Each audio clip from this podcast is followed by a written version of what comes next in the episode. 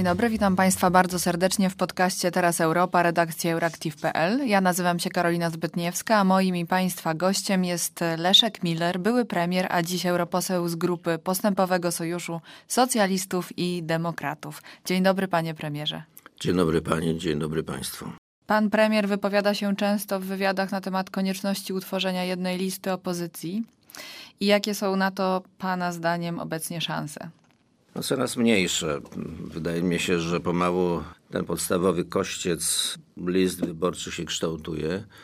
Jedna e, lista Zjednoczonej Prawicy, druga lista Koalicji Obywatelskiej, no i trzecia lista Hołowni i PSL-u. No jeszcze jest Lewica, więc mielibyśmy co najmniej cztery listy. Powiem zupełnie otwarcie i szczerze.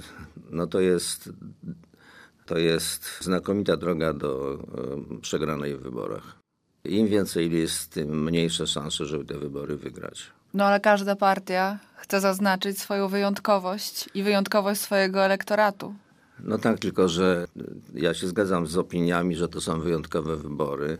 Może najbardziej wyjątkowe od 1989 roku, dlatego że to nie są po prostu zwykłe wybory, gdzie na, za, za, pomocą cyrkulacji władzy przejmuje się władzę lub ją zachowuje, tylko trzecia kadencja PiSu oznacza utrwalenie tego, co powiedział Jarosław Kaczyński, że od 2005 roku zmienia się e, system e, ustrojowy Polski zmienia się bez zgody, jak rozumiem, obywateli, bez zmian konstytucji. I zmienia się w, jak, w jak najgorszym kierunku. W kierunku już nie tylko autorytaryzmu, ale wręcz dyktatury. Więc trzeba się temu zdecydowanie przeciwstawić i odłożyć wyobrażenie o tym, że wybory jesienne mogą być takimi zwykłymi, prostymi wyborami, gdzie trzeba, gdzie partie demokratyczne rywalizują ze sobą na tych samych e, zasadach. To nie będą wybory, gdzie wszyscy będą mieli jednakowe szanse. PiS ze swoimi satelitami będzie miał przewagę na starcie z uwagi na ogromne możliwości finansowe, materialne, kadrowe i żeby móc z nim rywalizować, to w obliczu jednej, kart, jednej listy pisowskiej powinna być jedna lista zjednoczonej opozycji. Jeśli tak nie będzie, to szanse będą niewielkie. A nie sądzi pan, że teraz y, różne partie będą chciały właśnie zaznaczyć swoją wyjątkowość i gdy już będzie wiadomo, na jakie procenty będą mogły liczyć, a w związku z tym, jaką będą mogły mieć e, pozycję negocjacyjną ostatecznie, jeśli chodzi o dobór ministrów, to wtedy w ostatniej chwili będą mogli zdecydować się na ten krok. Jeśli będą wiedzieli, mieli pewność, że na tym ugrają rzeczywiste zwycięstwo. Tak może być. Ja bym się bardzo cieszył, gdyby pani punkt widzenia mm, okazał się mm, przyobleczony w rzeczywistość. Bo ja jeszcze raz powtórzę, ja od dawna powtarzam to, że na, w obliczu jednej dobrze zorganizowanej, silnej, zjednoczonej armii PiSu musi stanąć e, równie dobrze zorganizowana i silna armia opozycji. Ale jeżeli naprzeciw PiSu stanie pospolite ruszenie, gdzie każdy będzie chciał ugryć, ugrać coś własnego dla siebie, to to się nie może skończyć powodzeniem. Załóżmy, że się kończy powodzeniem i mamy silną, zjednoczoną armię opozycji demokratycznej, która już wtedy nie jest tylko opozycją. Kogo by pan widział jako jej lidera? No to jest y, jasne. No, liderem y, powinien być szef największego opozycyjnego ugrupowania. Tym szefem w tej chwili jest Donald Tusk i, nie sądzę, żeby do wyborów y, się coś w tej sprawie zmieniło. No a po wyborach e, premierem powinien zostać szef e, zwycięskiego ugrupowania. No to za, za, zakładajmy, że opozycja wygrywa, a szefem opozycji jest Donald Tusk. No to Donald Tusk powinien otrzymywać misję tworzenia rządu i mm, walczyć o to, żeby, żeby otrzymać taką premiera. Mhm. A jakby pan wytłumaczył ogromny elektorat negatywny Donalda Tuska? Nawet ostatnio wspominał pan, że w dużej części obecnej lewicy bardziej nienawidzi się właśnie Tuska niż Kaczyńskiego. Jak, jak to jest? No sądząc po różnych wypowiedziach e, ludzi z lewej strony e, sceny politycznej, odnoszę wrażenie, że częściej tam się krytykuje i to w sposób dosyć gwałtowny Tuska niż y, Kaczyńskiego, co mnie oczywiście zdumiewa. No. Ale chodzi o jakiś samokrytycyzm, e, czy, czy, czy o co? Czy o rywalizację? Po pierwsze, chorobliwą? oni uważają, że, że Tusk jest y, zagrożeniem, y, być może również personalnym. W każdym razie no, y, to nie jest ktoś, z kim można by się wiązać. A po drugie, uważają, że Tusk jest liberałem, a dla tej części lewicy, o której myślę i o której mówię, zawsze największym przeciwnikiem politycznym byli liberałowie. A w tych kręgach Kaczyński ma taką opinię niemalże socjalisty, no bo rozdaje pieniądze na prawo i lewo i tak dalej. Tylko, że według e, mojej opinii lewicowość nie polega na rozdawaniu pieniędzy, tylko na e, mądrej, inteligentnej polityce społecznej, za pomocą której środki trafiają do tych, którzy, którzy rzeczywiście je potrzebują. Plus się dba zawsze i rozbudowywuje system usług społecznych od y, żłobka poprzez przedszkole, poprzez całą sieć rozmaitych instytucji, które właśnie mają chronić ludzi, którzy przeżywają ból transformacji y, ciężej niż y, inni. Więc jak się popatrzy z tego punktu widzenia, to PiS to jest zwykły prawicowy populizm, a nie żadna lewica, tym bardziej żaden, żaden socjalizm, o którym marzą politycy lewicy. A z drugiej strony też e, jednak coraz bardziej zarysowuje się liberalizm opozycji nie w kontekście podejścia do gospodarki, ale do wolności praw człowieka i tej części opisu naszego e, ustroju, jakim jest liberalna demokracja, a raczej powinna być.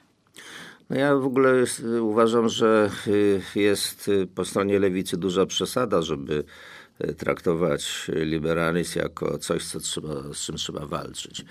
Warto pamiętać, że liberalizm w początkach jego pojawiania się przede wszystkim oznaczał wolność człowieka, dopiero później wolność gospodarczą. Więc y, liberalna demokracja to są y, terminy nieprzypadkowe, tylko właśnie takie, które wystawiają na pierwszym miejscu wolność y, człowieka. Poza tym ten współczesny liberalizm on bardzo przesunął się w lewo. Dzisiaj praktycznie nie ma już żadnych ugrupowań informacji politycznych, które nie mają programu osłon socjalnych, które nie pochylają się nad, nad biedniejszymi i tak dalej, i tak dalej. Dla lewicy nie jest przeciwnikiem liberalizm, tylko ta formacja, którą prezentuje Jarosław Kaczyński. No, w moim pojęciu można śmiało to, to, tą formację nazwać jako y, narodowy socjalizm. Nie brzmi to dobrze. E, Mam pytanie kolejne. Specjalnie użyłem. Nawiązujące trochę. Jak dziś liczbowo ocenia pan partię Suwerenna Polska? Ja bym chciał, żeby dalej to było. To była ta cyfra, którą kiedyś użyłem. E, no, zamiast suwerennej Polski, niech to będzie denna Polska. DP. Mhm, Dobrze, dziękuję e, za tę odpowiedź. E, Premier Morawiecki opowiedział się za przywróceniem kary śmierci. Czy to kolejny krok ku polexitowi, czy typowe przedwyborcze zaognianie retoryki? A to jest e, typowy populizm, który cechuje nie tylko Morawieckiego, ale cały ten obóz. Morawiecki wie, że wprowadzenie przez Polskę kary śmierci oznaczałoby wystąpienie z kilku co najmniej instytucji europejskich, zaczynając od Rady Europy, w której nie uznaje się kary śmierci, poprzez oczywiście Unię Europejską, gdzie też się nie uznaje kary śmierci. Więc trudno mi zakładać, że Morawiecki nie wie o tym. Więc y, jeśli mówi o karze śmierci, to tylko po to, żeby wcelować w ten niemały, jak sądzę, odłam wyborców, y, którzy, zwłaszcza pod wpływem śmierci małego Kamilka, uważają, że w takich bestialskich przypadkach tylko kara śmierci jest odpowiednim zadośćuczynieniem. A proszę powiedzieć, e, takie mam pytanie ogólne w kontekście aż trzech partii na polskiej scenie politycznej, e, za którymi stoi około w tej chwili 50% elektoratu, czyli chodzi o PiS, e, suwerenną Polskę lub denną, a także o Konfederację. Dlaczego ten radykalizm, antyeuropejskość, antyniemieckość, dlaczego są to wątki tak nośne? Wie pani, zawsze te wątki istniały pod inną nazwą, ale w tym roku obchodzimy dwudziestolecie i podpisania przeze mnie i przez Cimoszewicza traktatu akcesyjnego, ale także dwudziestolecie referendum akcesyjnego.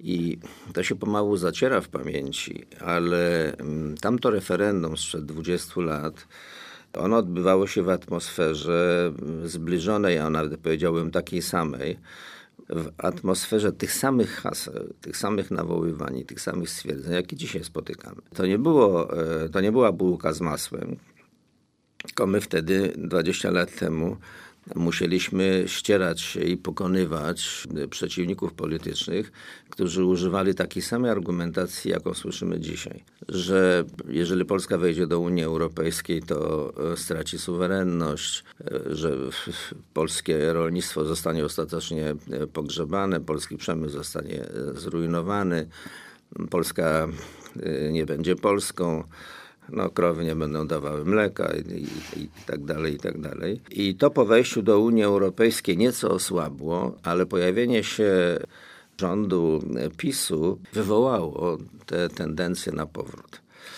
E, I można powiedzieć, że mamy, że mamy w tej chwili swego rodzaju powrót najbardziej antyunijnych, najbardziej wstecznych tendencji, no łącznie jeszcze z Kościołem katolickim, który swoją rolę też w tym wszystkim y, od, od, odgrywa. Więc y, y, widzimy, jak na powierzchnię wypływają tendencje, trendy polityczne, które w Polsce istniały i które zostały przez PiS wyzwolone i wypłynęły na powierzchnię z powrotem. I znowu trzeba będzie z nimi walczyć. A czy nie ma jakichś takich pozytywnych tematów, które mogłyby być równie nośne? Dlaczego właśnie w ten sposób się prowadzi, zarządza debatą publiczną poprzez e, znajdywanie, wynajdywanie wspólnych wrogów i przez różne nagonki. Dlaczego w ten sposób? No bo e, strategzy prawicy pisowskiej uznali, że e, tego rodzaju negatywne hasła i negatywne stwierdzenia łatwiej wyzwalają aktywność obywateli że jak, się, jak jest coś pozytywne, to się nie zwraca na to uwagę. Natomiast jeżeli y, argumentuje się na zasadzie niebezpieczeństwa, przed którym trzeba się bronić, wspólnym wrogiem, z którym trzeba walczyć, to łatwiej uruchomić y, aktywność obywatelską. I y, widzimy to niemalże na każdym kroku. To jest groźne, dlatego że mm, raz uruchomiony taki prawicowy populizm jest bardzo trudny do zagonienia z powrotem. E, no ale cóż, e, w walce o głosy widać wyraźnie, że ten obecny obóz nie, nie cofnie się nawet na e, centymetr. A jakich na wrogów szczęście. może pokazywać opozycja? Opozycja? I jakieś konstruk konstruktywnie wskazywać nie, no, opozycja, opozycja nie musi pokazywać wrogów, tylko właśnie pozytywy. Jeżeli dla, dla e, prawicy największym dzisiaj wrogiem jest e, Bruksela i Unia Europejska, e, to opozycja musi bardzo wyraźnie pokazywać, że to jest największy nasz przyjaciel. I że... Ale to jest reaktywność. Znowu rozkręca debatę, narzuca tematy. No, jednak. No, no tak, bo trzeba mówić tak, że nie jest zagrożeniem, Bruksela nie jest naszym zagrożeniem związanym z ograniczeniem naszej suwerenności, tylko jest gwarancją, że Polska będzie suwerenna i że Bruksela nie okrada nas z naszych środków i naszych bogactw, e, tylko przeciwnie, dzięki Brukseli te bogactwa są większe, zaraz rosną i tak dalej, i tak dalej. I to jest, e, na tej płaszczyźnie trzeba się ścierać i pokazywać, jak jest naprawdę, bo jeżeli nie będzie takiego starcia, no to część ludzi będzie uważała, że jest tak, jak jest, tym bardziej, że jednak e, telewizja publiczna i radio publiczne pokazują, jak mogą być skuteczne w kształtowaniu świ- fałszywej świadomości. Jaki przewiduje pan wynik, wyniki wyborcze? Proszę Pani, nie chcę zapeszać. Chciałbym oczywiście, żeby ugrupowania demokratycznej opozycji wygrały i żeby pożegnać y, PiS raz na zawsze w demokratycznej procedurze, ale moje wyobrażenia nie są optymistyczne. Łącznie z tym, że ja jestem w stanie nawet sobie wyobrazić, że PiS y, przegra wybory, ale nie odda władzy. Mam przed oczyma obrazki z Waszyngtonu. Mhm sprzed kongresu i martwię się, że to może być to samo tym razem w Polsce. I co dalej? Wtedy? Wtedy ulica wygrywa. Mhm. Ja nie wiem, jak to nawet skomentować. A co wtedy z naszym członk członkostwem w Unii? I kto rządzi wtedy? Bardziej radykalny? Przedstawiciel ulicy? No ja mam na myśli, że ja mam nadzieję, że wtedy wszystkie demokratyczne siły zewnętrzne, w tym również Unia Europejska i tak dalej, i tak dalej, będzie jednoznaczna w swoich reakcjach i że to ewentualnie powściągnie i, i, i pohamuje e, jakichś szaleńców, którzy chcieliby zniwelować wynik e, wyborczy, tak jak to się stało zresztą w Stanach Zjednoczonych. No ale to, że możemy mieć proces e, zakłócenia cyrkulacji władzy i PiS po prostu może nie uznać swojej przegranej, to jest bardzo możliwe. A jaki byłby ostateczny finał wtedy, to trudno mi sobie wyobrazić. Na razie zostawmy to niedopowiedziane. No to na koniec krótkie pytanie co do kwestii, na którą ma pan większy wpływ. Zapowiedział pan niekandydowanie w kolejnych wyborach i pytanie naturalnie się nasuwa, czy wybiera się pan na emeryturę?